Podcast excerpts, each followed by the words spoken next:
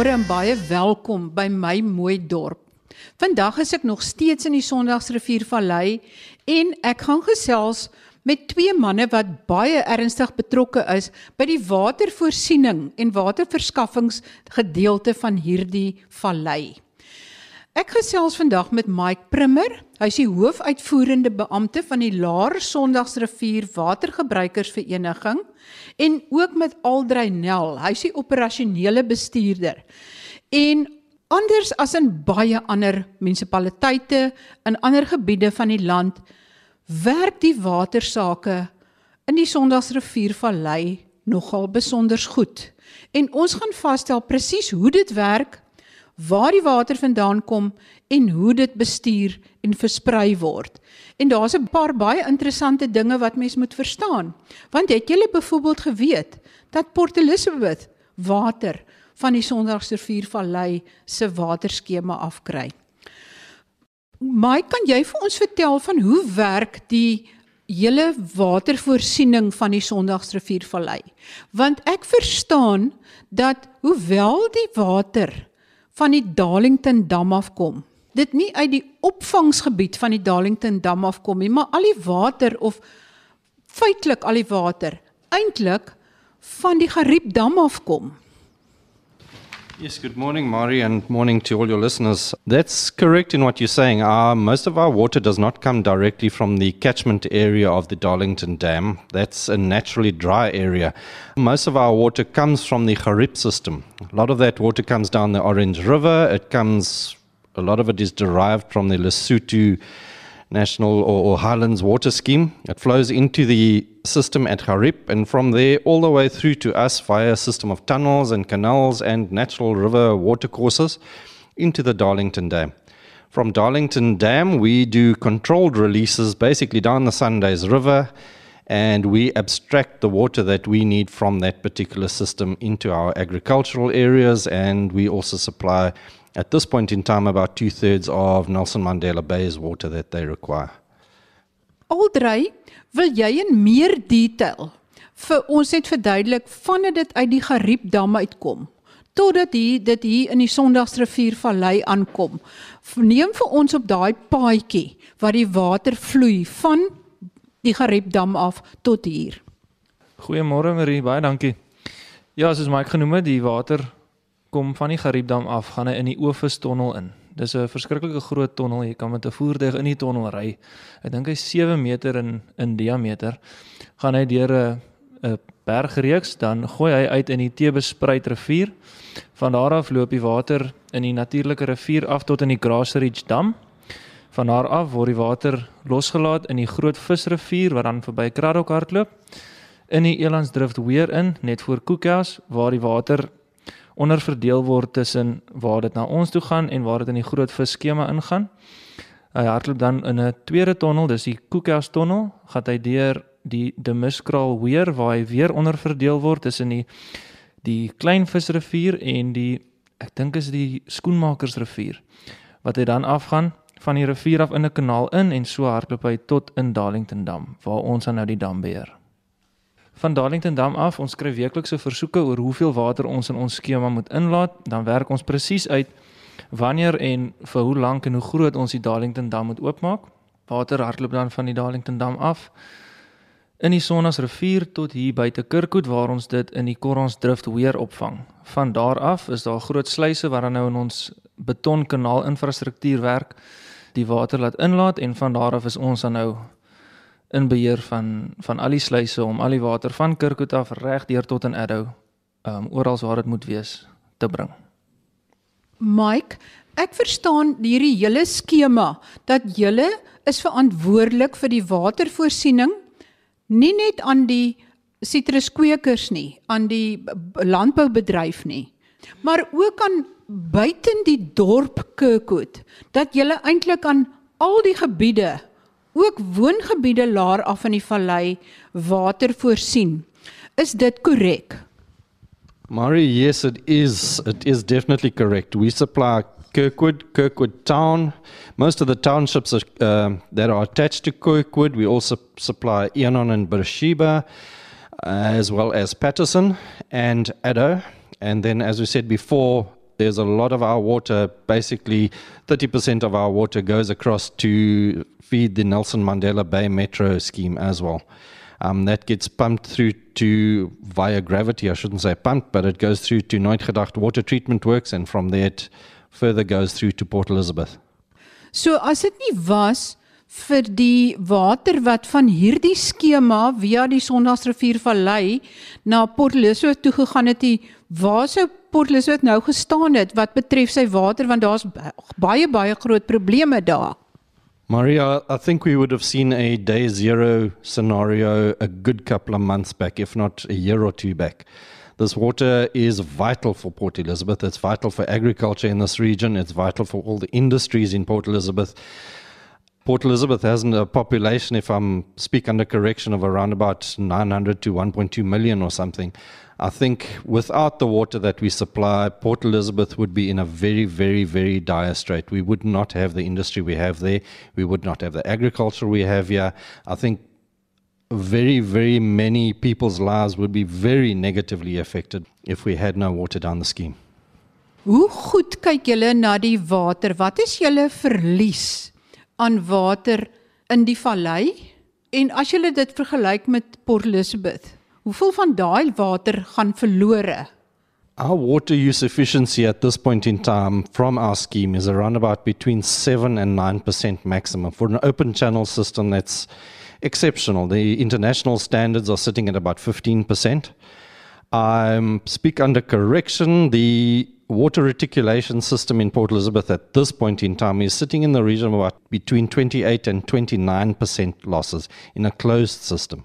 It just gives you an illustration of what a little bit more intensive maintenance and keeping your eyes on what needs to happen, when it needs to happen, and having a very, very close relationship with the managers on your particular scheme and particular area of responsibility can do for you. Jy het nou gepraat van die bestuur en die instandhouding van die hele projek. Watter dele val onder waterwese? Watter dele val onder julle? Bestuur julle dit namens 'n sekere owerheid of hoe werk die strukture as ek kan vra? Murray, yes, it's it's not really that straightforward. There's a section of canal that that falls under the direct control of Department of Water and Sanitation. They are responsible for the infrastructure. They are responsible for refurbishment and betterments on that particular part of the infrastructure. That main part of the infrastructure that they look after is about 46 kilometers long. They look after that, that particular part of, of the scheme, uh, or they're supposed to look after that part of the scheme. We are basically there to look after the maintenance of that particular canal. Now, from that particular canal, we have got a whole lot of subsidiary feeder canals that come off, which actually belong to the, the Water User Association. In total, we've got about 370 kilometers of canals that we maintain, we operate, we measure, we look after. And yes, most of that is our lined canals. Uh, we have about less than five kilometers of the old earthen type canals, which we are working on at the moment to replace as well. But yes, uh, the main canal actually and the dams belong to the Department of Water and Sanitation. They are responsible for refurbishment. They are responsible for replacement of failed infrastructure and um, issues like that. Ek verstaan ook dat die hoewel in die somer die kanaalstelsel die hele tyd gevul is met water of meestal gevul is met water, dat jy veral in die wintertyd sekere dae weke nie water in die kanaal het nie juis vir instandhouding. Wat presies doen julle dan as julle as mens praat van instandhouding in hierdie droë kanaal daar? Marie ons het die maande van Mei, Junie en Julie het ons geleentheid om op 'n maandag en 'n dinsdag die kanale droog te hê. Ons het 'n abnormale geval hierdie jaar oor Port Elizabeth so in 'n waterkrisis sit, het hulle gevra dat ons asseblief op die hoofkanaal slegs elke tweede week moet droog lê. Maar wat dan nou behels as die as die kanale droog is, kan ons na 'n jaar in die kanaal afstap en kyk hoe lyk die panele, die fisiese panele, hoe lyk die joints, die laste tussen die panele en oor die algemeen is dit die plekke waar die waterverliese waar die waar die water lek is op as gekraakte panele wat jy net sien as die kanaal leeg is. Ek meen meeste van die kanale loop propvol vir die hele jaar en uh, dan op die laste self. En wanneer ons dan nou so op 'n maandag of 'n dinsdag kan, stap ons af. Gewoonlik die eerste 2 weke dan uh, maak ons net skoon modder die ons daar's baie silt in die water. So en omdat die kanale so plat is, al daai sediment sak af. So vir die eerste 2 weke maak ons net skep ons net modder en dan inspekteer ons en dan soos ek sê, meerderheid van die werke is panele wat vervang moet word wat gekraak het of van nou laste wat weer geseël moet word waar die water ontsnap. Ek verstaan dat 'n tydjie terug was daar probleme met die kanale baie hoër op. Ek wil amper sê nader na die Gariepdam se kant toe waar daar probleme was wat van die mense van die Sondagsriviervallei moes gaan help om dit reg te maak. Maar ek verstaan ook dat dit eintlik onder water en sanitasie geval het. Vertel vir ons meer daarvan en van die ehm um, samewerking wat jy kry van water en sanitasie af. Yes, Marie, we had an incident about two years ago, and, and it occurred on the 16th of December. It happened to be a public holiday where everyone was not at work or unavailable. A lot of the government departments had already gone taken their annual leave. The break happened to happen just slightly down from the Drift. We call it the Klipkran section. There was a little bit of a failure there, which has been coming for a, a, number of years. We've been alerting the department to this particular potential failure. The conditions were right for a perfect storm, if you want to put it that way. The canal broke. There was nobody at DWS that was able at that particular junction to be able to fix it. A lot of the slack was taken up by the Great Fish River Water User Association, who are very ably led on that side. And between our association and them, we managed to make a plan that we could actually repair the, the broken section and restore the canal flow. I think it was within five or six days that we had the water flowing again. Great Fish actually made a few arrangements in terms of the finances on how that particular break was to be financed and repaired, etc. I can't really speak on their behalf, but yes, we did all pull together at that particular juncture, and uh, yes, things happened to be put into place to to get the water flowing again. The one big problem that we have is that we have requested on numerous occasions that very much attention be paid to that particular section because it it lends itself to failure. It's right up against the side of a krantz. It is in a weak spot, um, but unfortunately, the requests that we have put through to DWS have come back at this point in time to be negative. No repairs have been undertaken since that particular time, which is about two years ago. I know Great Fish River Water User Association has also put in numerous requests for that particular section to be repaired and replaced and refurbished, but unfortunately, nothing has happened until, well, up to now. I'm not too sure whether anything has been planned for the immediate future, but as far as I can tell and as far as I'm aware, nothing has come through or across my desk in regards to that. Hoe oud is die kanale en tot watter mate kan mens in stand hou voordat voordat dit eintlik oorgedoen moet word of vervang moet word. Is mens al naby aan daai tydperk? The canals are fairly old. They've got a design life of about 30 years, as far as I can make out. They're now sitting at about 35 years since they were last constructed. Basically, at the, at the end of their design life, they should be replaced relatively soon. I would recommend they be replaced relatively soon. But at this juncture, there doesn't seem to be any movement in that direction. The canal system is relatively old. We have got Neutgedacht water treatment works, which is just on our boundaries. That is reliant on this particular water. I know Nelson Mandela Bay and the Department of Water and Sanitation and national government has, in fact, invested a lot of money into that particular scheme. But it's all predicated on a system that is at the end of its design life. So, yes, I am a little bit concerned. Uh, we will be pushing in the very near future, and we have been indeed pushing to have that whole situation looked at. But at this point in time, I've got nothing positive to say in, in terms of the feeder system to that particular water treatment works. I know there are plans to build another dam right next door to the existing dam of Skippersvlakte. Those plans are in place. However, the actual canal system that feeds that particular dam or will be expected to feed that particular dam by that stage will be probably close to about 40 years old, which is way past its design life. And yes, there, there can be no guarantees that that particular supplier will continue at the rate that we are currently able to supply. As mense die kanaalstelsel moet vervang of oordoen, sit mense net 'n nuwe lining in, bou mense 'n nuwe kanaal binne in die ou kanaal, maak mense dit walle hoër of moet jy nuwe slote grawe, nuwe kanale bou? Hoe werk die oplossing? Ja, ons het nou intensief oplossings gesoek want ons het juis ons eie kanaal wat teen 'n krans loop wat ons oor besorg is wat ons nou planne in plek probeer sit. En uh daar is moderne oplossings wat 'n mens in Engels nou jy reline die kanaal. Ehm um, daar's die konvensionele jy bou die kanaal oor.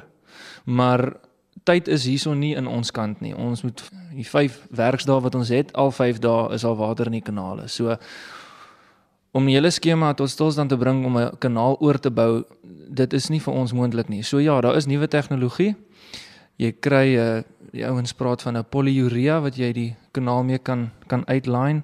Jy kry uh, sulke rubber vinyl produkte wat jy die kanale mee kan uitline. Jy kry 'n uh, 'n tipe beton wat hulle spesiaal vir jou meng om 'n nuwe betonlaagie oor die oor die kanaal te sit en al hierdie goed verleng die kanaal se ontwerplewe. So nou watter antwoord kyk julle? Ons eie studie of ons uh, navorsing het ons na die besluit gelei om maar dit is 'n tipe rubber vinyl wat ons het. Nou een van die groot redes hoekom ons daarop besluit het was die tyd wat en die en die moeite wat jy moet doen om die kanaal tot op 'n punt te kry om hierdie rubber uit te line is nie so intensief en so baie werk wat benodig word vir van die ander metodes nie. En soos ek sê, ons tyd is hierso nie aan ons kant nie. So ons het sê maar tussen 5 en 10 dae om 'n paar honderd meter se kanaal te bedek met hierdie produk en daarom het ons vir hierdie so 'n rubber vinyl, so dun, ek dink is 'n 2 mm dik rubber mat as jy nou wil wat ons die kanaal mee gaan gaan uitline. Ek verstaan dat 'n paar jaar gelede en ek dink dit was in 2017 het daar eintlik 'n deel van die kanaal hier naby Dambrowdy en ek as ek vir die luisteraar kan sê dit is nou tussen Kirkwood en Sunland. Sunland Addo. So dit is laer af in die vallei is Kirkwood maar hoër op in die vallei is Sunland Addo.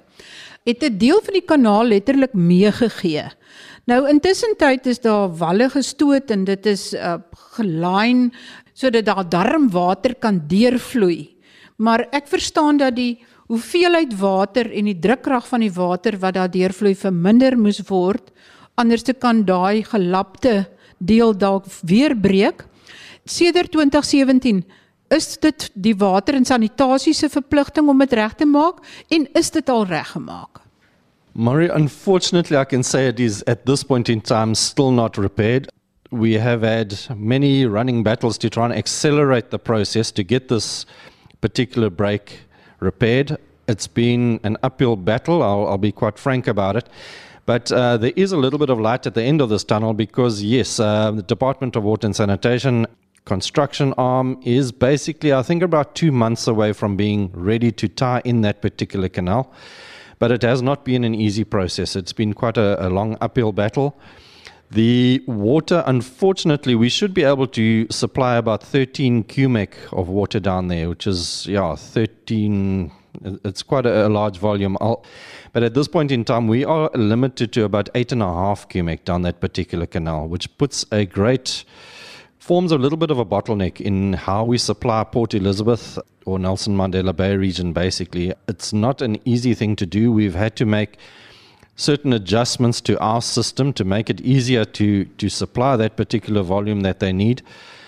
By the time the actual canal is repaired, it will make our life a lot easier. It will make operations on our system a lot easier and we will basically have a surety of supply to Port Elizabeth that is far greater than what we have now. Because at the moment, the reason we limit it to about eight and a half cubic through that particular break is, as you said, it might fail again. We don't know because that repair that was made was made on a temporary basis. It was not designed to be a permanent solution. It was never intended that it sit there for five years on my particular personal opinion, I think that canal could have been repaired a long, long time ago. It should not have taken more than six months to a year to repair. But now, unfortunately, we're sitting at nearly four years through various factors. There's been budgetary constraints, there's been operational constraints, there's been adjustments to the plans, and all kinds of things. But basically, to my mind, we're actually living on borrowed time. If that canal is not repaired in the very, very near future or connected in the very near future, we are actually making a possible scenario that is uh, it's terrible to contemplate because the water supply to Port Elizabeth and all of these little towns around us will be drastically affected. Never mind the billions of rands of exports that go through the, the agricultural sector of the Sundays River Valley as well. Luister volgende week verder na die tweede deel van hierdie uitgawe oor die Sondagsrivier Vallei se watervoorsiening. En dan gaan julle letterlik op julle rug val as julle hoor wat dit nou in 2021-2022 gaan kos om daardie kanaal reg te maak in vergelyking met wat dit sou gekos het as daardie kanaal onmiddellik in 2017 herstel is. En dit is tipies van wat aangaan in Suid-Afrika.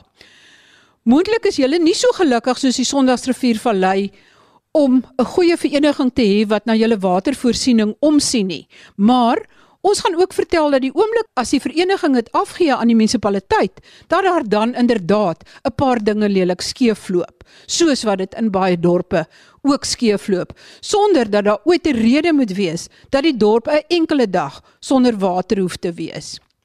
Laat my gerus weet van enige probleme in jou streek of jou dorp en ek sal kyk of ek mense kan kry om julle te help of laat my ook weet van interessante projekte wat in julle eie dorpe aan die gang is sodat ons daarmee kan spog en ander dorpe dalk uit jou lesse kan leer. Tot volgende week dan. Groete van my, Marie Hudson.